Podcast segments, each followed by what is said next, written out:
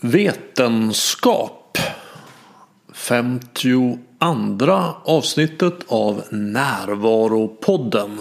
En samlande kraft mot tankarnas terrorism.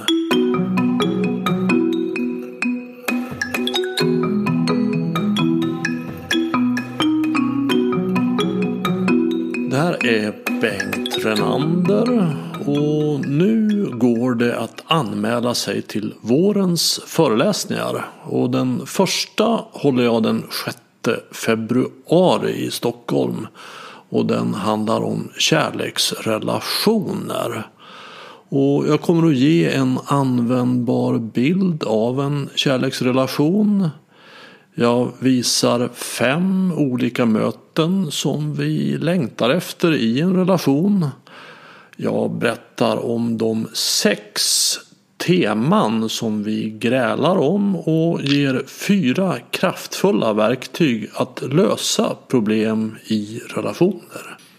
Och så lär jag ut ett härligt sätt att få mer lekfull passion och kärleksfull attraktion i relationen. Alla föreläsningar hittills har varit fullbokade så vill du ha en plats så anmäl dig tidigt på min hemsida renander.nu. Jag gör den här podden för att sprida kunskap om hur medvetenhet och närvaro kan hjälpa oss alla att sluta terrorisera oss själva med tankar. Jag tror att den kunskapen verkligen behövs och gör stor skillnad. Om du tror som jag och vill stödja podden Hjälp till att sprida den genom att tipsa om den till vänner och bekanta. Och det är också hjälpsamt om du betygsätter och skriver kommentarer på iTunes. Som det är nu betalar jag för att göra podden och det gör jag med glädje. Jag kommer aldrig att ta betalt för den eller ta in reklam. Och vill du stödja arbetet med podden även ekonomiskt så gör du det genom att köpa den nya boken Stoppa tankarnas terrorism. Du får då både en bra present att ge bort till någon som behöver den här kunskapen om medvetenhet och närvaro och så stödjer du podden ekonomiskt. Och enklast köper du boken via hemsidan renander.nu. Jag har länge varit intresserad av dagens tema vetenskap. För mig handlar medvetenhet och närvaro om att leva i verkligheten på riktigt. Om att se igenom tankarnas illusioner och inse att det är fullt möjligt att uppleva sånt som inte finns i verkligheten. Och vi gör det väldigt ofta. Jag pratar här med Katarina Laundy som är legitimerad psykolog och doktorand i medicin vid Sahlgrenska universitetssjukhuset i Göteborg. Om den vetenskapliga kvantitativa och kvalitativa metoden. Om att tro på något av dålig eller bra anledning om hur man kan undersöka smärta vetenskapligt. Om forskning kring vad som hjälper ungdomar med psykisk ohälsa. Om vad det innebär att uppleva något. Om det finns en objektiv sanning. Om värdet av att veta att man inte är klok.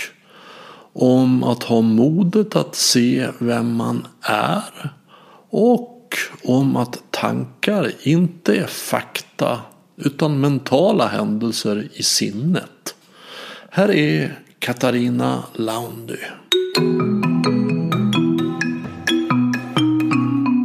Jag har ju bjudit hit dig för att jag vill prata med dig om den vetenskapliga metoden. Mm. Som ju jag är oerhört intresserad av. Och min ingångspunkt, skälet till att jag är intresserad är att jag vill leva i verkligheten. Mm. Jag vill vara i det som är på riktigt. Och vi har så lätt, vi människor, att fastna i illusioner. Att tro på våra upplevelser. Att se samband där de inte finns. Vi har fruktansvärt svårt att begripa statistik och sannolikheter. Mm. Och dra slutsatser som är helt uppåt väggarna. Det är vår natur. Det är vårt sinnes natur att göra det. Så det är så lätt för oss att gå vilse. Mm. Och, och, som jag har förstått det och som jag, min bild av den vetenskapliga metoden är att, vi, att det är ett sätt att se vad som stämmer på riktigt. När man pratar om forskningsmetod så, så är, handlar det ju egentligen om väldigt många olika metoder. Ehm, och egentligen från början när man eh, formaliserade ehm, ja, någon sorts sannolikhetsprincip för forskning så handlade det från början om att ställa upp en hypotes om att något var sant som man skulle falsifiera. Eh, så man skulle se om det var falskt. Alltså kolla om det stämde ja, helt enkelt. Precis. Ja. Eh, och, och saken är den att om det var så att man fick en statistiskt signifikant eh, resultat så betydde det, eller fortfarande är det så, så betyder det egentligen att det gäller tills att den kan falsifieras, mm. den hypotes man har. Det vill säga att alla vetenskapliga sanningar är endast tillfälliga. Mm.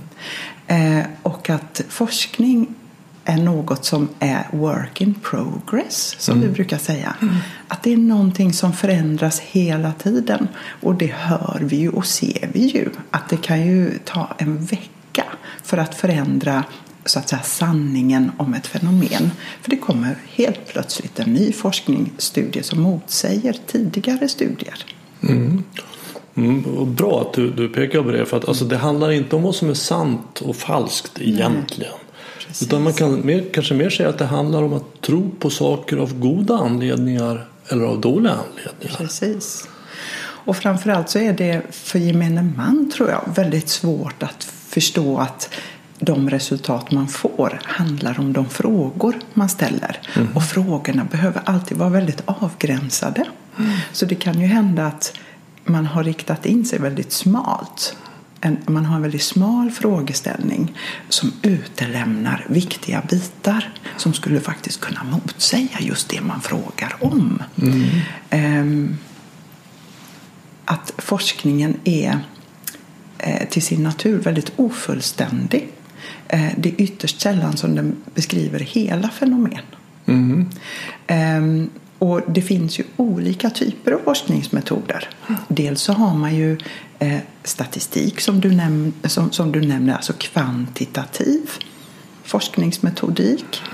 Och sen så finns det ju kvalitativ forskningsmetodik. Mm. Ska du berätta lite om skillnaderna? Vad är det för någonting? Ja. Visst. Den kvantitativa det är ju väldigt kopplat till statistik till statistik. Mm. Alltså att eh, man, man gör beräkningar på sannolikheter, precis som mm. du sa tidigare. Eh, till exempel är det så att eh, storstadsbor är mer stressade än småstadsbor. Ehm, då sätter man upp ett antal frågor som handlar om stress och så gör man jämförelser och så kanske man har hypotesen att eh, storstadsbor är mer stressade än småstadsbor. Mm. Och då behöver man ett visst antal personer som ska besvara de här frågorna för att det ska vara statistiskt säkerställt. Mm. Och då gör man eh, något som kallas för powerberäkningar och det, det är helt enkelt en formel som man använder sig av för att se hur många personer behöver vi Ehm, för att kunna besvara den här frågan. Mm, för att det ska ses som ett representativt urval? Så det är ett, ett väldigt typiskt exempel på kvantitativ metod. Mm. Ehm, medans kvalitativ metod, eh, och det finns en uppsjö av sådana också. Ehm, det finns en teorigenererande metod som heter grounded Theory.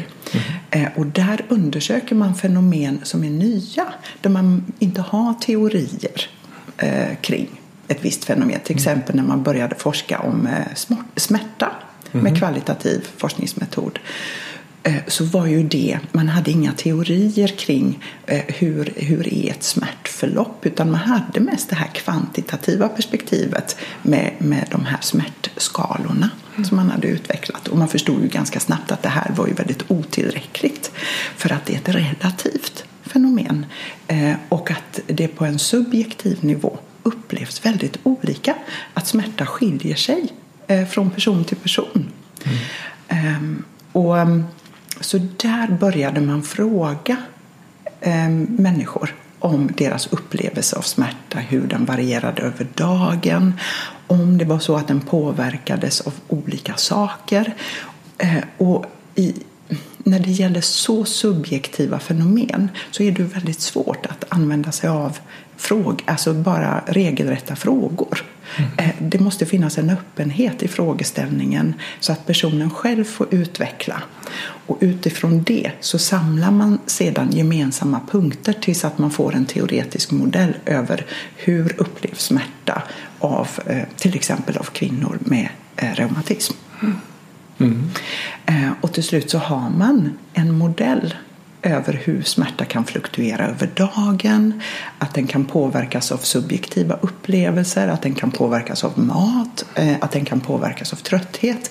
Och allt sånt här som vi vet idag om smärta till exempel, det har vi fått via den här typen av kvalitativ forskningsmetodik. Okej, så det, det är ett sätt att ta reda på vad händer i verkligheten så att man kan komma fram till att det verkar som att kvinnor med reumatism som äter mycket kött har väldigt ont på kvällen. Till exempel. Ja, det, det, det visste vi inte tidigare men, men nu vet vi det. Precis. Som ett exempel. Som ett exempel, absolut. Jag vet inte om det är så. Ja, det har jag heller ingen som helst aning om. Men det var bara ett exempel. Och att den kvantitativa metoden som handlar om, om större mängder data kan man säga. Mm. Då, då, kan man börja med en hypotes. Alltså man ställer upp, man tror mm. någonting. Mm. mm och sen så undersöker man verkligheten för att se om, om det här stämmer. Exakt. Och en klassiker på det området var väl när, när Einstein förutsade att, att uh, himlakroppar skulle böja ljus. Alltså att ljus påverkas av gravitation satte upp en sån teori om det var 1907 eller vad det var. Mm. det tog 12 år tills det, det, var en himlakropp som var i läge så man kunde mäta om det stämde. Så fram till de kunde mäta det, undersöka verkligen så var det bara en teori. Alla trodde på den. Sen så stämde också verkligheten med teorin. Visst. Och det är då det kvant kvantitativa sättet. Det är absolut mm. det kvantitativa sättet. Först ha en idé, sen undersöka verkligheten. Just. Och det kvalitativa kan man säga det är att undersöka verkligheten och sen få en sorts uppfattning. Precis. Så där har man inte, oftast inte en tydlig frågeställning. Nej. Um, inte så tydlig och inte så avgränsad. Och det är just för att man vill få fram, fram det subjektiva materialet. Mm. Ehm, så det kvantitativa och det generella är inte så viktigt Nej. i den kvalitativa metoden. Och naturligtvis så var det ju så att den, det kvantitativa perspektivet var ju det rådande. Den positivistiska läran brukar man mm. prata om. Ehm, allt som inte är mätbart är inte sant, sa man. Okej, okay, allt som inte är mätbart är inte sant. Ja. Precis, det var mm. den tidiga positivistiska så, så, så, så, länge, så kan man ju säga så länge man inte har huvudvärk. ja, precis. precis. Ja, um, och när eh, den här kvalitativa metodiken kom, ehm, den utvecklades ju väldigt eh, stort kan man säga någon gång på 50-60-talet. Mm. Så eh, fick ju den kvalitativa metoden ta väldigt mycket stryk och den ansågs ju inte vara eh, riktig forskning. Alltså det ansågs inte vara forskning på riktigt mm. utan det var massa flum. eh, men där, är det någon forskningsmetod som har vunnit mark de sista åren så är det faktiskt den kvalitativa forskningsmetodiken. Mm. Eh, och det är just för att man förstår att man får de svar på de frågor man ställer. Mm. Och om det är så att frågeställningarna är för smala så kan man eh, missa det som är absolut viktigast. Mm. Jag förstår. Så man kan säga att den kvantitativa det är den, det är den första Och, och den passar bra från fysik, kemi, biologi, Farmakologi. farmakologi. Och, eh, men när vi kommer, ko- kommer upp till psykologi så, och sociologi kanske, antropologi, så är det där är den illa lämpad. Eh, eh, in- inte helt och hållet, eh, men däremot så till exempel eh, min forskning bygger ju på en mixed method study.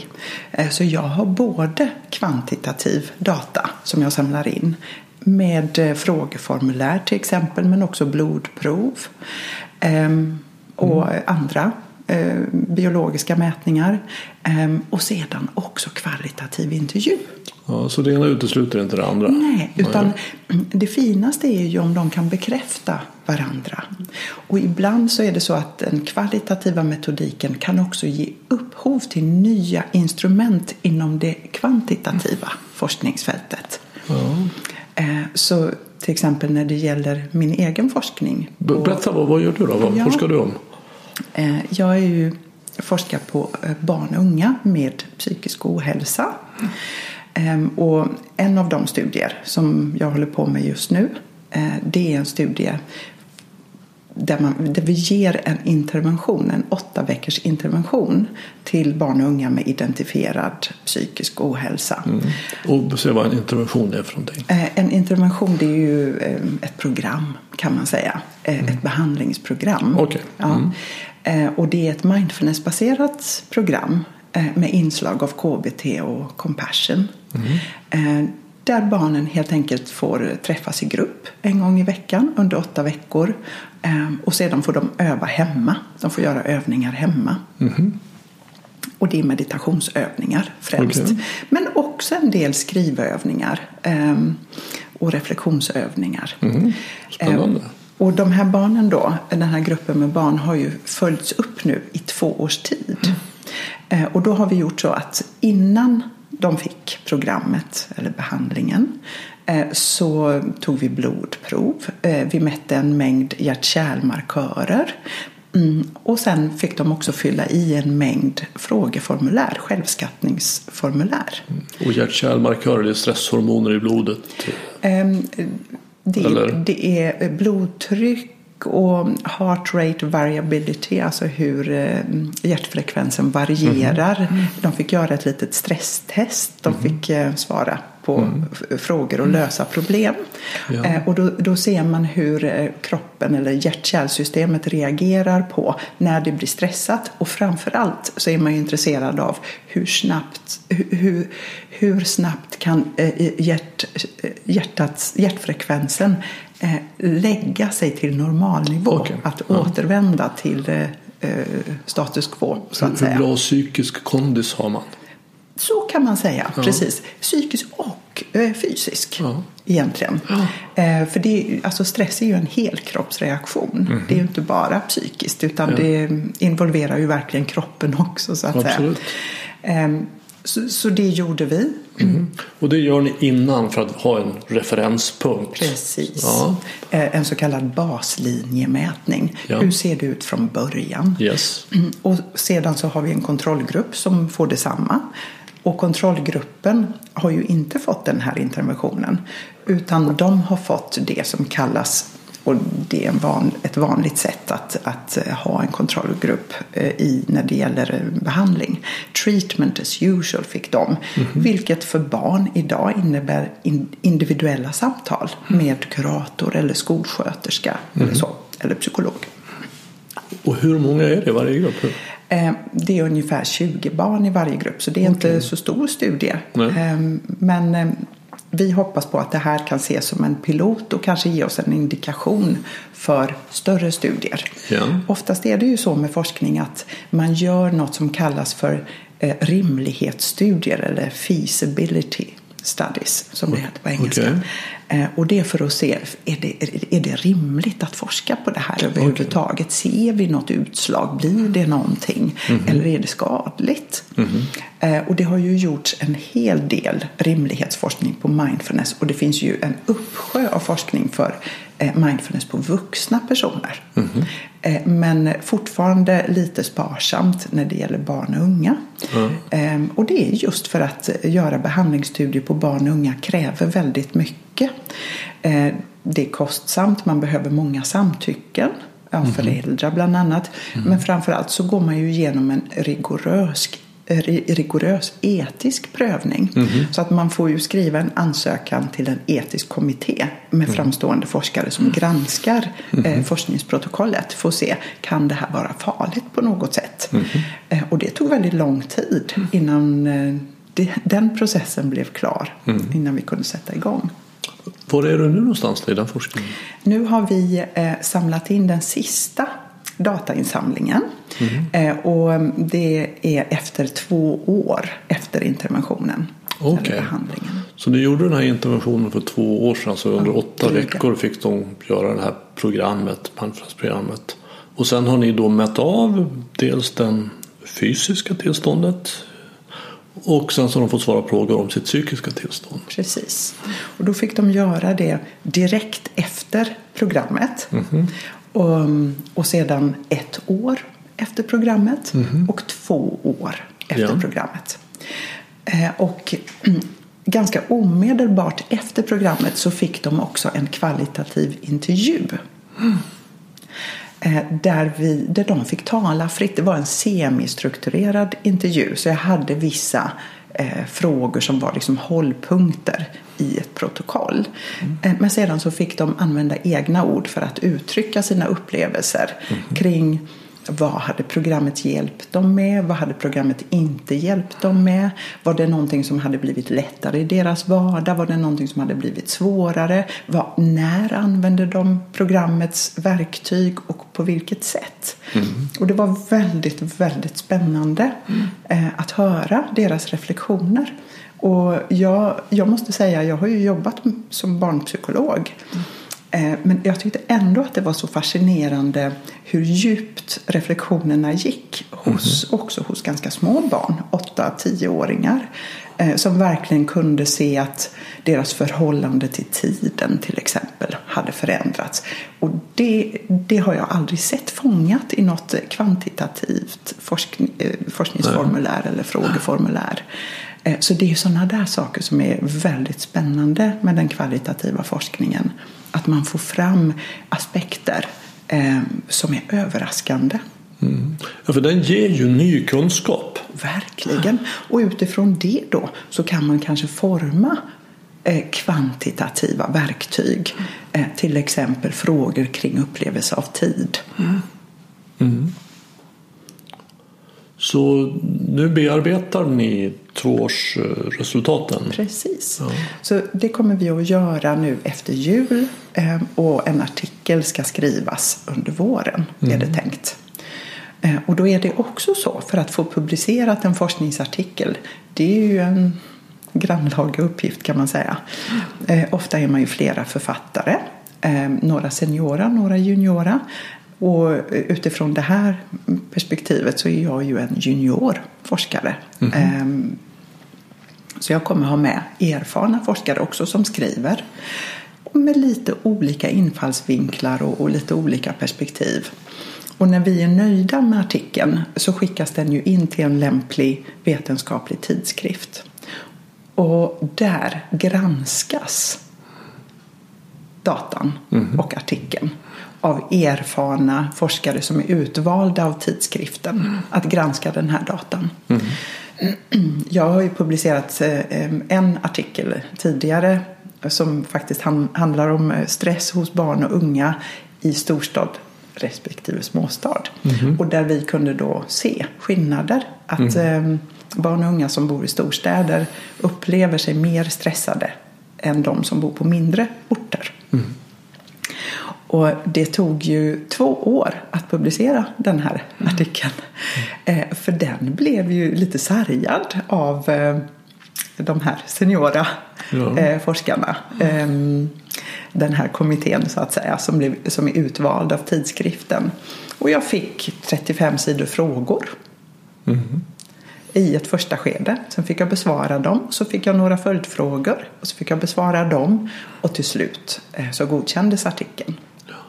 Ja, för det ska man vara medveten om att i det vetenskapliga arbetet när du har kommit fram till ett resultat så kommer alla du kommer att möta efter det kommer att ha inställningen och, och frågan vad har hon gjort för fel? Mm. Exakt så är det. Ja. Och det är just den här traditionen med falsifieringen av data. Exakt. Så man så... utgår ifrån att det, det, du har inte helt på fötterna. Du har det är en felfinnare. Ja, ja, så är det. Och, och, det är en felfinnarvärld. Först ibland då din, dina, arbets, dina kollegor och sen så i de här då tidskrifterna. Så att när det har, om någonting kommer ut mm. genom den processen så är det ganska många väldigt kunniga människor i det här området som inte experter. har hittat fel. Det är experter. Ja, det är experter. De främsta. Ja, de främsta. Och de har inte kunnat hitta fel i. Och det innebär ju att det finns god anledning att tro på det. Precis. Det innebär inte att det behöver vara sant, men Nej. det finns god anledning att tro på det. Åtminstone just nu. Ja. Till skillnad från att någon säger att den upplever något. Mm. Vilket ju är möjligt för oss människor att uppleva i princip vad som helst. Mm. Det är en mycket dålig anledning att tro på något. Att ja, en människa upplever något, att, att göra det till en generell sanning. Det beror på vad man menar med uppleva. Nu blir jag lite vetenskapligt inställd själv här. Bra. Men eh, jag, jag, tänker att fenomenologin till exempel eh, som ju är en filosofisk metod men också en forskningsmetod eh, mm. som Edvard Husserl formulerade. Mm. Den handlar ju Ska om... du sammanfatta den bara? Så att vi ja, får läsa, den handlar om... Ja, absolut. Mm. Den handlar om att ehm, det vi upplever formar vår värld, vår upplevelsevärld. Mm. Och i någon mening så är den alltid sann. Mm. Även om det är så att den är filtrerad genom våra erfarenheter och våra känslor och våra tankar så är den ju sann för oss. Mm, det är sant att jag upplever det. Ja, men det, det behöver inte, det kan ju vara så att jag upplever att det finns vargar i rummet intill här. Precis. Det är sant att jag upplever det men det är inte sant att det finns vargar där. Exakt. Eh, och, och, där kommer vi till det här kniviga då. Vad är objektivitet? Finns det någon objektiv sanning? Mm. Och det är ju väldigt, väldigt svårt att svara på. Ja. Eh, därför att eh, objektivitet förutsätter ju någon som är filterlös egentligen och det mm. finns inga sådana människor. Nej. Däremot så är det ju så att om man har en avgränsad frågeställning och, och, du frågar tillräckligt många människor om detta. Till exempel, finns det vargar här i rummet? Mm. Eh, just i det fallet så skulle det räcka med dig och mig. Det skulle mm. räcka med två personer. Eh, för vi kanske är överens, du och jag, om att mm. här finns inga vargar. Och då kan det räcka. Men om det är så att du säger att det finns visst vargar här. Mm. Och jag hävdar lika bestämt att det finns inga vargar här i rummet. Mm då behöver vi fler. Mm. Då behöver vi vara fler. Exakt. Eh, för att belägga mm. detta faktum. Mm. Och det kan vara så att det är 50-50 upp till kanske 100 personer. Mm. Och det är först vid 150 som man börjar se att det finns signifikant många fler som hävdar att här finns inga vargar. Mm. Och då utgår vi ifrån det för nu, att här finns inga vargar. Mm. Så att det, det, här är en knepig fråga. Mm. Jo, man kommer ju fort in på precis väldigt egentligen djupa filosofiska frågor. Vad, finns det, vad är det som händer där ute? Finns det överhuvudtaget något där ute? Mm. Eller, eller skapas allting i mig? Mm. Alltså vissa delar är ju ganska enkla och klara. Till exempel färger mm. Skapas i mig. Mm. Tar vi ett steg till så kan vi också säga att regnbågen. Man ser den. Mm. Man ser den ovanför en kompis hus två kilometer bort. Så man ringer man till kompisen. Du, du har en regnbåge precis ovanför huset. Titta, du måste gå ut och titta. Alltså, det här ser ingen regnbåge. Mm. För den finns inte där. Utan den skapas i mig. Men, men hur långt kan man gå? För det är väl så att ett, ett naturalistiskt förhållningssätt, vilket är väl det man håller inom vetenskapen, ändå håller för gott att det finns någonting där ute. Mm. Eller? Jag skulle vilja säga att det är både och. Alltså det, det, man kan säga så här. Om du äter ett äpple mm. och din upplevelse av det här äpplet kan du ju försöka beskriva i ord för mig. Men jag kommer ju aldrig egentligen att veta vad du upplever. Eh, och det du upplever kan du heller inte fullständigt sätta ord på. Nej. Och vad är den högsta sanningen egentligen? Det är ju din upplevelse. Så därför så kan man säga att upplevelsen är egentligen den enda sanningen. Så kan man ju också uttrycka sig. Eh, därför att det finns ingen annan som kan eh, egentligen falsifiera din upplevelse eller bekräfta den. Men det beror ju naturligtvis på på vilken nivå. Och det som är din livsvärld, den är ju du expert på och den vet du, bara du, sanningen om. Däremot så har vi också en gemensam livsvärld. Eh, en eh, livsvärld som du och jag här och nu upplever tillsammans. Och där får vi ju enas om vad det är som gäller, så att säga. Så där kan ju inte bara du ha ett tolkningsföreträde. Nej. Och det är klart att det, det skapar en typ av lugn och ro att man kan enas. Men, men det är ju också så att om min upplevelse inte är i överensstämmelse med det som händer där ute så får jag ett väldigt illas, illa fungerande sätt att agera på. Jajamän, och det är så konflikter uppstår. Exakt. Så att, att det är ju väldigt bra då att kunna uppfatta vad är det som händer där ute så att, så att jag kan agera funktionellt i förhållande till världen. För jag menar, en, en psykos är ju att jag har väldigt starka upplevelser som faktiskt inte finns där ute. Vilket gör att jag får ett väldigt dysfunktionellt sätt att agera på. Precis. Och ska man dra det en vända till rent filosofiskt så kan man ju säga att vi vet inte om psykotiska människor upplever saker som finns eller inte. Nej. Eh, Men eh, som kollektiv så är vi överens om det.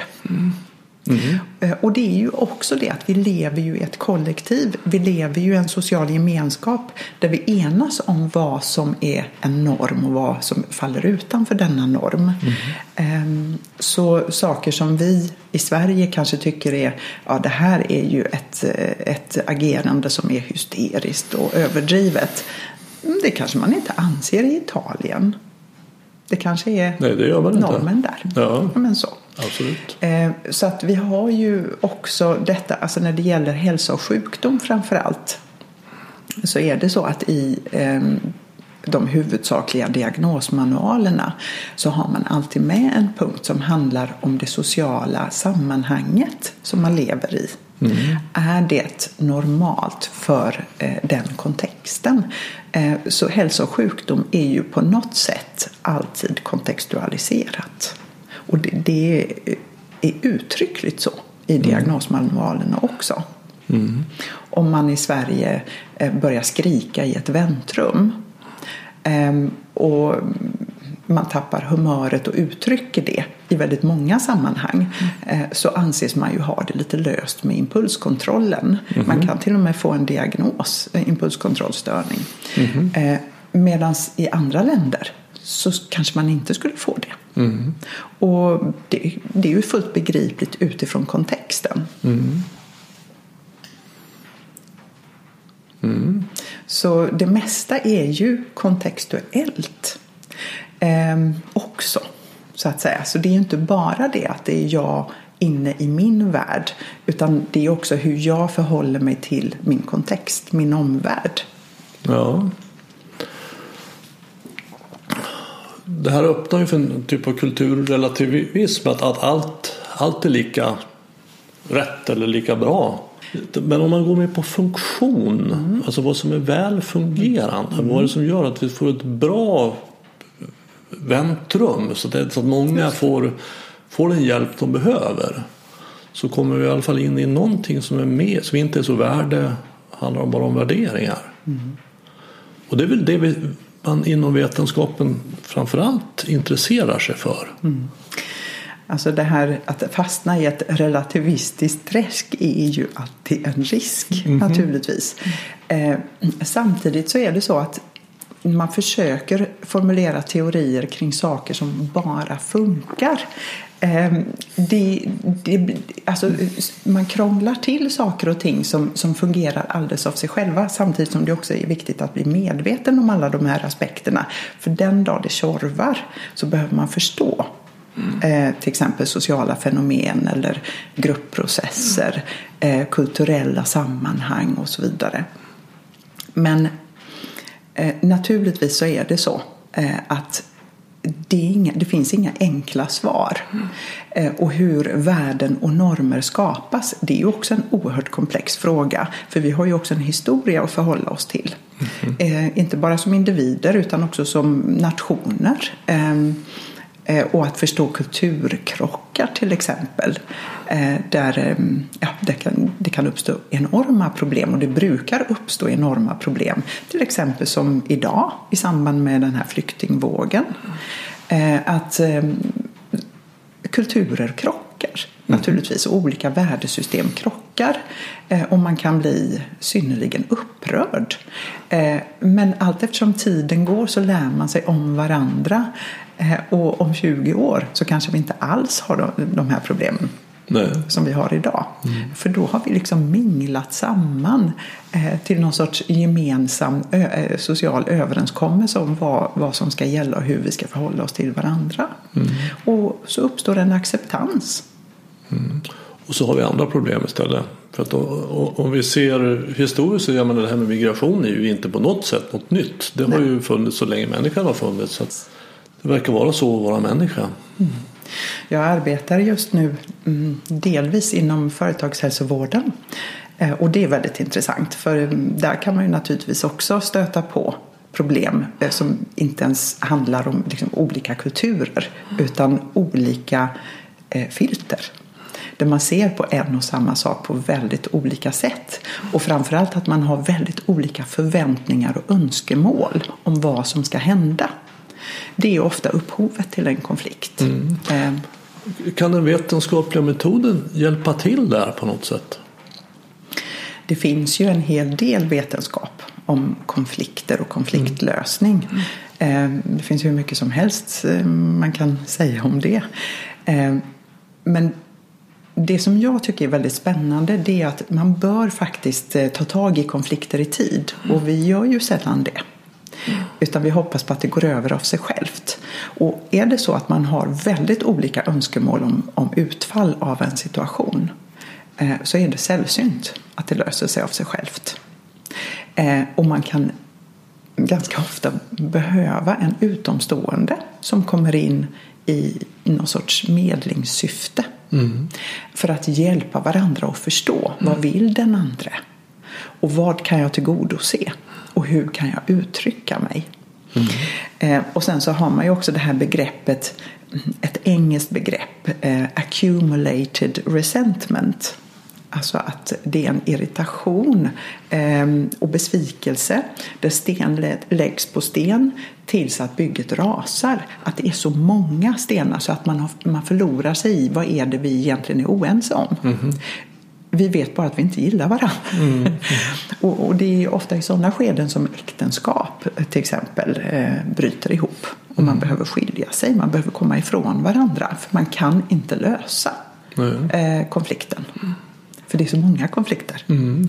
Eh, och det är så många små trådar så att man hittar inte ut. Det är mm. bara ett enda stort trassel. Och det är så på arbetsplatser också. Ibland behöver man skilja personer åt. De kan inte jobba ihop. Helt enkelt. För det är för mycket i bagaget. Och, och där vetenskapen kan hjälpa till det är att man har gjort kvalitativa studier som visar att om man löser konflikter på det här sättet så verkar det vara ett välfungerande sätt. Medling till exempel. Och gör man på det här sättet så, så, så det fungerar väldigt illa. Jag vet inte om man har sett ehm, som fungerar väldigt illa. Det är ett ganska nytt forsknings eller relativt nytt forskningsområde. Jag är inte jätteinsatt i det. Jag är mer insatt i vilka metoder man använder sig av för mm. att mm. jobba med det. Jag, jag, har ju den stora fördelen att både vara kliniker Eh, och hålla på med forskning. Och det är två väldigt olika världar. Ja. Ska du säga någonting om de två ja, världarna? Eh, de som är kliniker eller praktiker de använder sig av de metoder som man har forskat fram. Mm -hmm. Medan de som forskar de arbetar hela tiden med att undersöka problemet så att säga. Mm. Och undersöka vilka metoder fungerar och vilka metoder fungerar inte. Så just när det gäller konflikthantering så är jag inte så insatt i det. Nej. Men jag har en fantastisk handledare som heter Thomas Jordan och han har skrivit mycket om konflikter och konflikthantering och konfliktlösning. Mm. Så om man är intresserad av det så kan Ja. man läsa hans litteratur. Och han, han forskar och handleder. Ehm, Jag och jobbar väldigt mycket med det. Mm. Någonting som jag hör och läser med jämna mellanrum och som jag reagerar mot varje gång det är att man säger så här att det finns då en religiös eller en andlig värld som, som är på ett sätt och som man då kan tro på eller inte tro på. Så finns det vetenskapen som är liksom en annan värld, en annan domän som man kan tro på eller som man inte kan tro på. Och det där gnisslar alltid ganska starkt i mig för att, att i, i min föreställningsvärld så, så, så handlar den vetenskapliga metoden om att ta reda på vad, vad som är sant eller, eller om vi ska använda rätt ord att ta reda på vad jag kan tro på av god anledning. Och det är oavsett, den är inte målstyrd, vi är inte ute efter något speciellt utan vi är ute efter vad, vad, hur verkar det vara här. Så att, att för mig så, så är det om min andliga tro kan klara den vetenskapliga metoden så har jag en god anledning att tro på det och gör den inte det så har jag en dålig anledning att tro på det. Men det är inte två olika trossystem. Hur tänker du kring det här? Mm. Ehm, jag kan säga så här, syftet eh, till att jag forskar på den här metoden, den mindfulnessbaserade metoden, det är att jag är intresserad av vad är det som gör att vissa av oss klarar väldigt svåra situationer och är robusta inför livets outhärdliga stressorer, bitvis outhärdliga stressorer. Medan andra är oerhört känsliga eh, och, och snavar eh, väldigt snabbt. Eh, så fort eh, man får eh, något litet problem så bryter man ihop.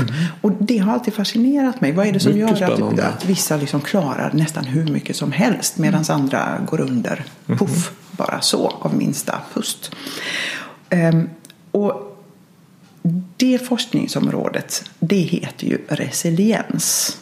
Eh, som betyder motståndskraft. Eh, Eh, och man ser ju naturligtvis att om man har väldigt mycket tidiga stressorer eh, och traumatiska saker som man är med om som barn eh, så har man ju en större risk för sårbarhet för till exempel psykisk men även fysisk ohälsa och utanförskap på olika sätt. Men faktum är att det inte är så illa som, som, som det verkar. Därför att dryga 40 procent av de som är med om väldigt, väldigt svåra saker klarar ändå av att ha en normal utveckling och ha ett gott liv. Och då har man fokuserat på just den gruppen inom resiliensforskningen. Vad är det som är utmärkande för den här gruppen? Eh, och först i början, eh, när man började forska på detta, så såg man att eh, eller man intresserade sig för personliga egenskaper hos individen. Eh, och, det var där mm, det här begreppet maskrosbarn myntades. Eh, att det var liksom de här som, ungarna som var hur robusta som helst och tycktes osårbara.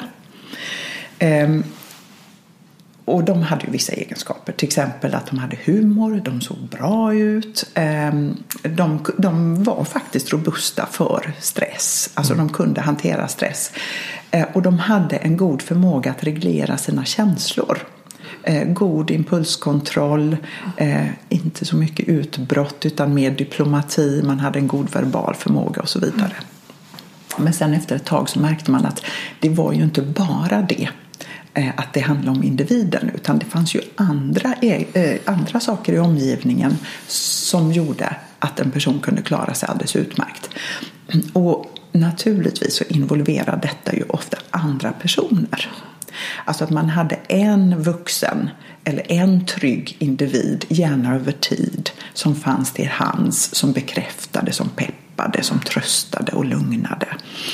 Men faktum är att en faktor som är utslagsgivande i många av de här situationerna är ju just att man har en, en tilltro till något som är större än man själv. Ofta en religiös tro. Eh, på något sätt. Eh, och om den inte är eh, liksom direkt religiös så är den åtminstone existentiell på något sätt. Att jag har en skyddsängel eller att jag tror att det är, finns en mening med det här som händer mig. Det är ju också eh, någonting annat än det statistiska, eh, det här eh, liksom objektiva som vi kan enas om. Utan det är ju något högst subjektivt eh, och, och abstrakt. Eh, så jag är, eh, jag är benägen till att hålla mig till eh, det positiva med att ha en tro eller liksom någon sorts ett existentiellt förhållningssätt eh, som man kan finna tröst i. Eh, jag skulle nog akta mig väldigt noga för att, att eh, liksom slå hål på det för någon människa och säga vad har du för bevis för det? För, för det är egentligen inte det det handlar om. Utan den typen av, av existentiell tillit då, om man ska kalla eh, en religiös tro för det Eh, kan vara det enda som bär en människa igenom tuffa pass. Mm. Och det är också intressant att när människor väl ligger på dödsbädden eller går igenom väldigt svåra saker så ber de. Fast de kanske aldrig har bett tidigare. Mm. Så det är någonting där när vi lider så outhärdligt mycket. Att inget av det här objektiva inga fixar kan fixa oss mm. längre. Där eh, känner vi att det måste finnas någonting annat än detta. Mm. Ehm, och det är väldigt intressant tycker jag. Verkligen. Det är ju ingen slump att, att det andra steget i tolvstegsprogrammet är just det du pratar om. Att vi kom till tro på en kraft större än mig själv. Och att, att det inte är religiöst. Och jag, menar, jag, är ju, jag mediterar, jag jobbar med närvaro och medvetenhet och ser hur otroligt viktigt det är. Så det är inte det att jag är någon fiende till något andligt på något sätt. Men för, för mig handlar det väldigt mycket om att, att vara i verklighet. Alltså vad är det som händer på riktigt? För att det, min, min senaste bok heter ju Stoppa tankarnas terrorism. Mm. För att, att det, det, min, det, det, kan hitta på så jädra mycket som inte är sant. Alltså jag hamnar in i mardrömmar.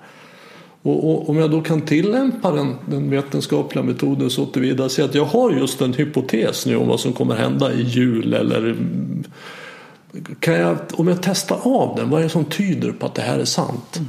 Så säger jag att jag hittar ingenting då kanske det är bra att avfärda den. Mm.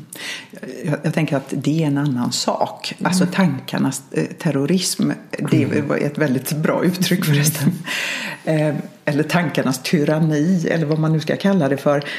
Det är ju någonting helt annat, eh, tänker jag, än existentiell tillit. Mm, verkligen. Eh, mm, men Eh, inom resiliens eh, det här forskningsfältet resiliens så pratar man väldigt mycket om det här med eh, känslomässig självkontroll. Att för att kunna ha koll på dina känslor och kunna reglera dina känslor så behöver du också kunna observera dig själv. Mm -hmm. Metaperspektivet. Ett, ha ett metaperspektiv, exakt. Och det som är utmärkande för människor som lider av psykisk ohälsa det är att de tappar det. För det är en kognitiv förmåga. Och den blir ju extremt nedsatt när, när man mår psykiskt dåligt eller är utmattad. Då ser man inte vad man själv tänker. Och där går tankarna lös. Och, och, där är det så att man blir impulsstyrd. Det kommer en tanke men jag ser den inte utan jag lyder den bara. Mm. Och det är någonting helt annat. För det, det är ju ren sjukdom. Mm. Som väldigt, väldigt många lider av. Och Absolut. Många av oss, jag, jag, jag, jag fruktar in i det nästan varje dag. Momentant. Mm. Men, men och det här metaperspektivet det är någonting som jag också återkommer ofta till i podden. För det är så otroligt viktigt, precis som du säger. Att, att så länge jag har en del i mig som vet att, att det jag tänker inte är klokt. Då är det lugnt. För Precis. den delen är klok. Den del av mig som vet att jag inte är klok, den är klok. Men när jag glömmer bort den delen så börjar jag ju tro på det jag tänker. Och då är jag inte klok. Nej. Men det finns ingen som vet att jag inte är klok. Så då, tro, för jag, då tror jag på det och agerar utifrån det. Och då blir det väldigt dysfunktionellt. Mm. Och det är ofta som man hamnar i konflikter också. Om vi ska återgå till det. Mm. Att jag upplever att mitt tänkande är det enda rätta. Mm. Och om jag inte ser att jag tänker på ett visst sätt så kan jag inte heller förhålla mig till att någon annan tänker på, på ett annat sätt. Eh, så det är faktiskt så att vi blir extremt nedsatta i vår funktion av att inte kunna tänka om vårt tänkande. Mm, ja, precis. Att, att, att om, om den jag pratar med inte har en förståelse för att det finns olika sätt att se på saker och ting, olika sätt att uppleva saker och ting, så har jag att göra med en person som jag aldrig kommer att kunna få någon konsensus med. Och det är så spännande. Vet du, vi gjorde ju en film om vårt projekt där vi filmade en grupp med barn. För i vårt eh, forskningsprojekt så har vi också ett pilotprojekt i skolan eh, där vi har provat ut en hälsofrämjande eh, metod för klassrummet. Och den artikeln kommer också att skrivas under 2020. Vi fick väldigt intressanta resultat där. Ehm, och, och, där har vi intervjuat barnen och filmat då. Hur upplevde de eh, sin egen funktion och sin förmåga att, han, eh, att hantera sina impulser och sin uppmärksamhet. För det är ju det som är viktigt i skolan för att klara mm. skolan och klara målen. Och då är det en flicka i den här filmen som säger att eh, jag kan känna i min kropp hur arg jag blir. Eh, och, och, jag kan få tankar att jag ska säga någonting eh, till min skolkamrat. Men jag gör det inte längre. Mm. Så det är just det som är så spännande med medveten mm. närvaro. Mm. Eh, att vi övar ju upp den förmågan mm. att kunna se vad vi tänker och se att jag får en kroppslig reaktion men jag behöver inte mm. låta den gå ut i ett beteende. För varje gång vi får en impuls som går ut i ett beteende så förstärker vi ju den mentala loopen. Mm -hmm. Vilket gör att nästa gång jag hamnar i en liknande situation så kommer reaktionen ännu snabbare. Mm -hmm. Så det, det, man kan säga att man, vi, den hjärna vi har idag och de reaktionsmönster vi har idag har vi ju tränat oss till. Mm. Hjärnan är ju plastisk mm och naturligtvis kan vi ju träna om. Och det är ju en lite mödosam process. För det här med medveten närvaro, det är baske mig ingen quick fix. Eh, och ibland blir jag lite ledsen när jag ser eh, att man talar om medveten närvaro som, som avslappning eller dylikt. För mm. det har ingenting med det att göra. Det är ofta en effekt av praktik i medveten närvaro. Men det är inte avslappning det handlar om, Nej. utan tvärtom. Det handlar om mod att se vem är jag? Vad tänker jag egentligen? Mm. Vad är det som pågår i min skalle? Och hur ska jag hantera det? Så genom att öva upp den här förmågan att faktiskt se vad vi själva tänker och känner innan vi reagerar. Det skapar ju den här, det här lilla utrymmet för frihet att faktiskt välja mm. vem vi vill vara ute i världen. Mm. För vi kan vara ute i världen på ett lite annat sätt än vad vi är inuti. Om det är så att det som är inuti är väldigt dysfunktionellt. Vi behöver inte lyda den rösten. Nej. Och vi kan välja lite mer. Vad ska jag släppa ut? Vad ska jag inte släppa ut? Ja, och jag tror, jag, när jag tittar in så ser jag att det finns ju delar av mig som inte är kloka. Det bara ploppar upp en det ena, en det andra. Fullständigt random. och när jag har kontakt med den här delen, det här vittnet, eller jag brukar kalla det för självet. Mm. Så, så då har jag alltid ett val. Jag har alltid ett val. Jag kan lägga märke till som den flickan att, att jag blir arg och jag vill säga det här. Har jag inte kontakt med vittnet då gör jag det. Då är jag reaktiv. Då får jag en reaktion. Men är jag kontakt med självet så kan jag fortfarande säga det. Ibland kan det vara rätt att säga ifrån. Men jag kan också låta bli. Precis. Så att jag kan, jag, den reaktiva delen, tankevärlden, egot. Jag kan göra som jag själv vill. Och då blir det bra. Problemen i livet uppstår när jag håller på med en massa grejer som jag själv inte vill. Håller på och dricker en, en lådvinsförpackning om dagen eller käkar en hel tårta eller skriker åt mina barn eller vad det nu är för någonting. Det är inte vad jag själv vill. Precis. Vi brukar i eh, de här programmen återkomma till en statement att tankar är inte fakta. Mm -hmm. Det är mentala händelser i sinnet som kommer och går. Mm -hmm. men de flesta av oss tolkar våra tankar som fakta. Exakt. Till exempel, skynda dig nu, du behöver få gjort det här också. Mm. Eh, det där var väl dumt, det där var väl klumpigt. Vi tror verkligen på våra tankar. Absolut. Du duger inte till. Du Du, är för lång till. eller för ful eller för kort. Eller. Tro inte på allt du tänker är en sån här klassisk uppmaning. Precis. Och sen också att, att vi- inte vill ha våra tankar. För de är ju väl inte alltid så skojiga. Eh, alltså jag har haft eh, klienter som har sökt mig för att de har haft rasistiska tankar till exempel. Eh, och de vill inte ha dem. Och då kan man ju tänka sig att hur gör man då? Det går ju inte att få bort Nej. de tankar man har. Däremot så kan man ju förhålla sig till dem. Exakt. Om det är så att man bara har det mysigt när man mediterar, framförallt i början, då har man inte gjort det på riktigt. jag, är, jag är lite sträng där, för jag, jag, jag tycker att man behöver få stöta på patrull. Eh, för annars låter man inte saker få komma upp. Absolut. Och, och i min värld är det så att, att, att vad jag tänker och känner det rår jag i väldigt liten grad över. Det är nästan som att ha en radio i huvudet och vem som, var sändningarna kommer ifrån det vet jag inte riktigt. Jag vet ju inte ens vad jag ska säga om fem sekunder nu. Precis. Inte vad, så att vad jag säger om fem sekunder kommer vara i princip lika förvånande som vad du säger. Just så. Precis. Och, då, och, och, och väldigt många av oss vill ju ha kontroll. Vi vill ju förstå och vi vill veta varför tänker jag på det här viset. Eh, och det finns ju ingen chans att vi kan reda ut det. Det är ingen som vet. Nej. Eh, men bara att våga se vad vi har inom oss Absolut. eh, ger oss ett försprång. Absolut. För att, och det ger ju försprång. För att kan jag bevittna det jag tänker och känner som jag inte rår över så kan jag ändå i något högre grad påverka vad jag gör och säger. För där har jag en lite större inflytande om jag har en bevittnande funktion. Precis. Men har jag inte den bevittnande funktionen då blir det jag tänker och känner nästan synonymt med vad jag säger och gör. Och eftersom det jag tänker och känner kan vara fullständigt vansinnigt många gånger så, så beter jag mig vansinnigt. Och då förstår jag eh, det du sa från början. Mm. Att, eh, att vi godtyckligt kan tro på saker.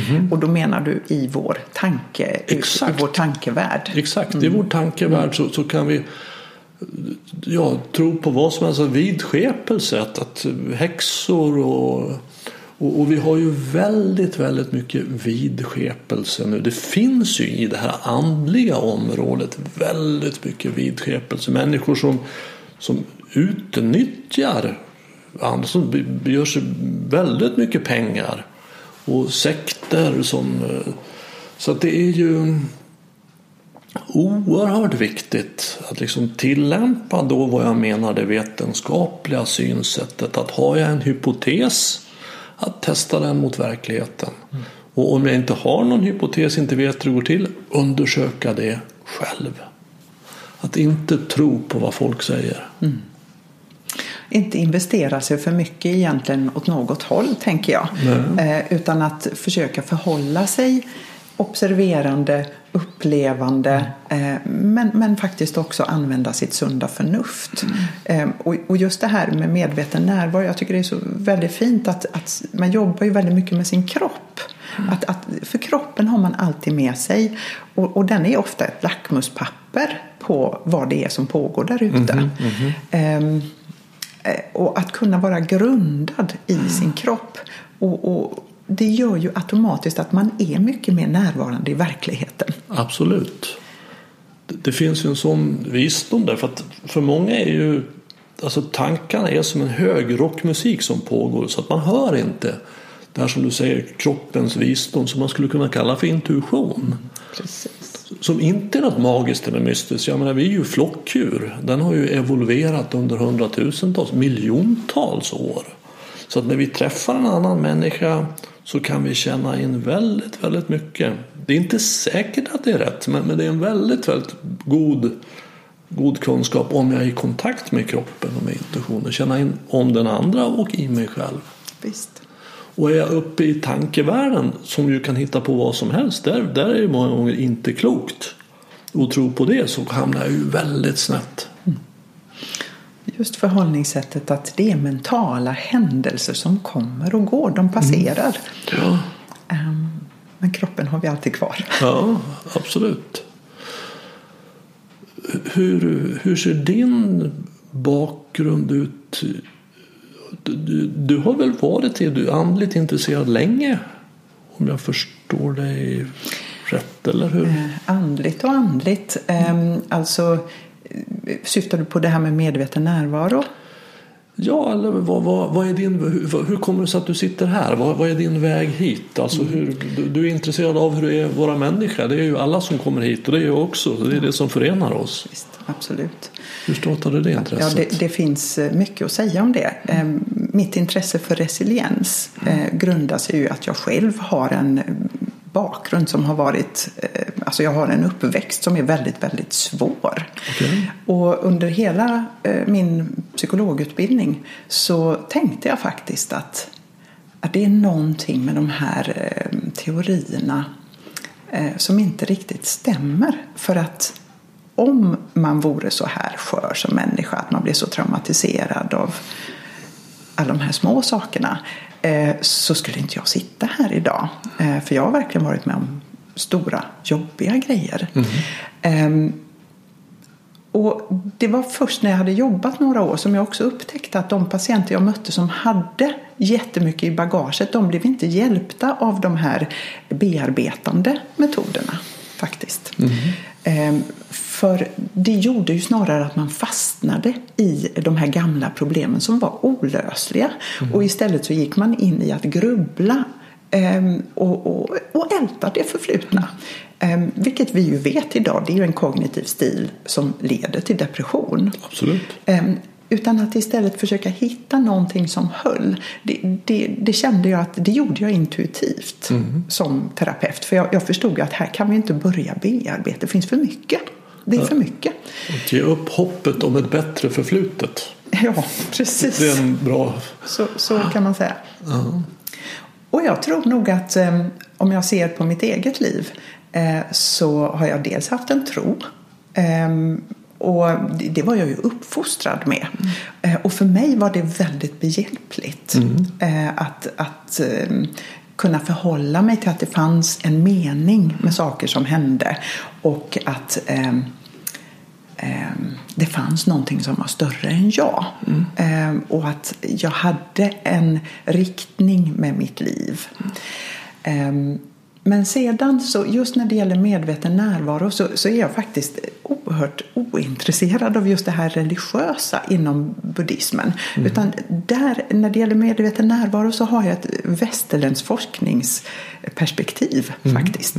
Eh, Jag tycker övningarna är fantastiskt intressanta i, förhållningssätt, eh, i förhållningssättet eh, till det inre livet, det observerande jaget eh, och hur man kan lära sig att reglera sina känslor.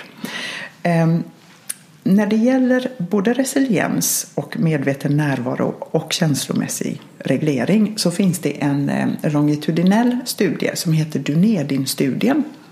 Det är världens äldsta studie. Eh, Man har följt de här försökspersonerna, dryga, dryga tusen individer på Nya Zeeland eh, i över 45 år. Så de som startade studien, eh, de har faktiskt, en del av dem har gått bort. Eh, Och där så kunde man se, man har ju mätt och vägt och analyserat de här människorna på alla upptänkliga vis som nu forskare kan undersöka en människa. Det har varit liksom neuropsykiatrisk testning, det har varit djupintervjuer, det har varit eh, blodprov, alltså you name it. Ja. De är verkligen genomlysta. Ehm, och man vet idag att, att ha en hög IQ predisponerar oss för ett framgångsrikt liv. Vi vet också att socioekonomisk status är viktig. Så att har man eh, ekonomisk trygghet så klarar man sig bättre här i livet. Att vara fattig är inte särskilt hälsobringande, det vet vi ju. Men det fanns en eh, specifik indikator på människor som hade ett framgångsrikt liv. Eh, och det var att de kunde reglera sina känslor. Och i, utifrån eh, den här studien så hade de det med sig medfött så att säga. Så, så man kunde se att de som har god känslomässig reglering, god impulskontroll, Mm. kan planera för framtiden och så vidare på ett adekvat sätt. Men kan också släppa saker som inte fungerar. Mm. De hänger sig inte fast, de biter sig inte fast och ältar och grubblar och oroar sig så mycket. Nej. De hade goda relationer, framgångsrika äktenskap, Mm. de hade mer pengar på banken och detta var de- den här förmågan överskred betydelsen av IQ och medfödd socioekonomisk status. Jag förstår, intressant. Det, det, Och på det sättet är jag intresserad av medveten närvaro. Eh, in, inte som någon sorts religion eller liksom någon sorts ja, andligt eh, perspektiv utan just att kunna fungera väl i världen. Jag avgränsar mig till det. Ja, men- Att kunna fungera väl i världen och kunna reglera sina känslor. Att hjälpa människor att träna upp det så att man kommer igenom livets utmaningar. ja.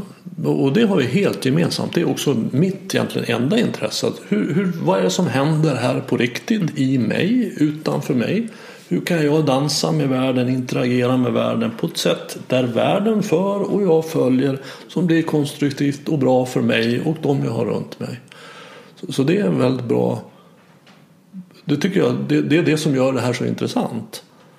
Och, och det fenomenet du pratar om, den, den tredje framgångsfaktorn där, brukar jag kalla för självdistans.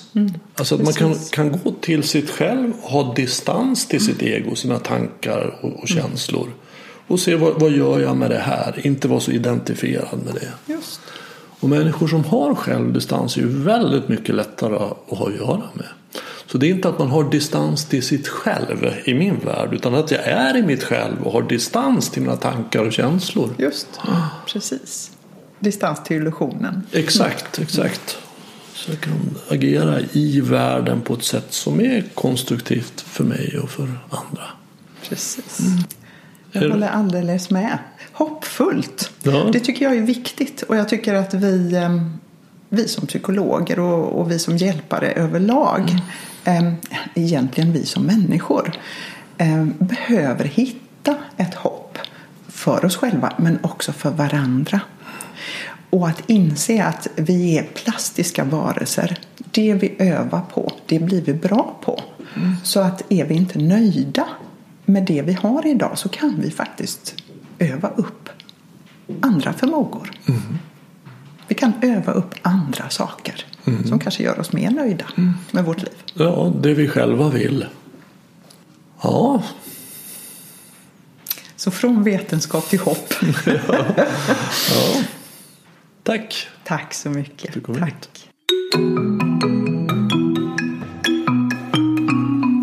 Har du något ämne eller person som du tycker skulle passa här i Närvaropodden? Tveka inte att kontakta mig och enklast gör du det via kontaktformuläret på hemsidan renander.nu. Desto fler vi är som är vakna i verkligheten, ju mer kan vi ju förändra den på riktigt. På återhörande och du, var uppmärksam.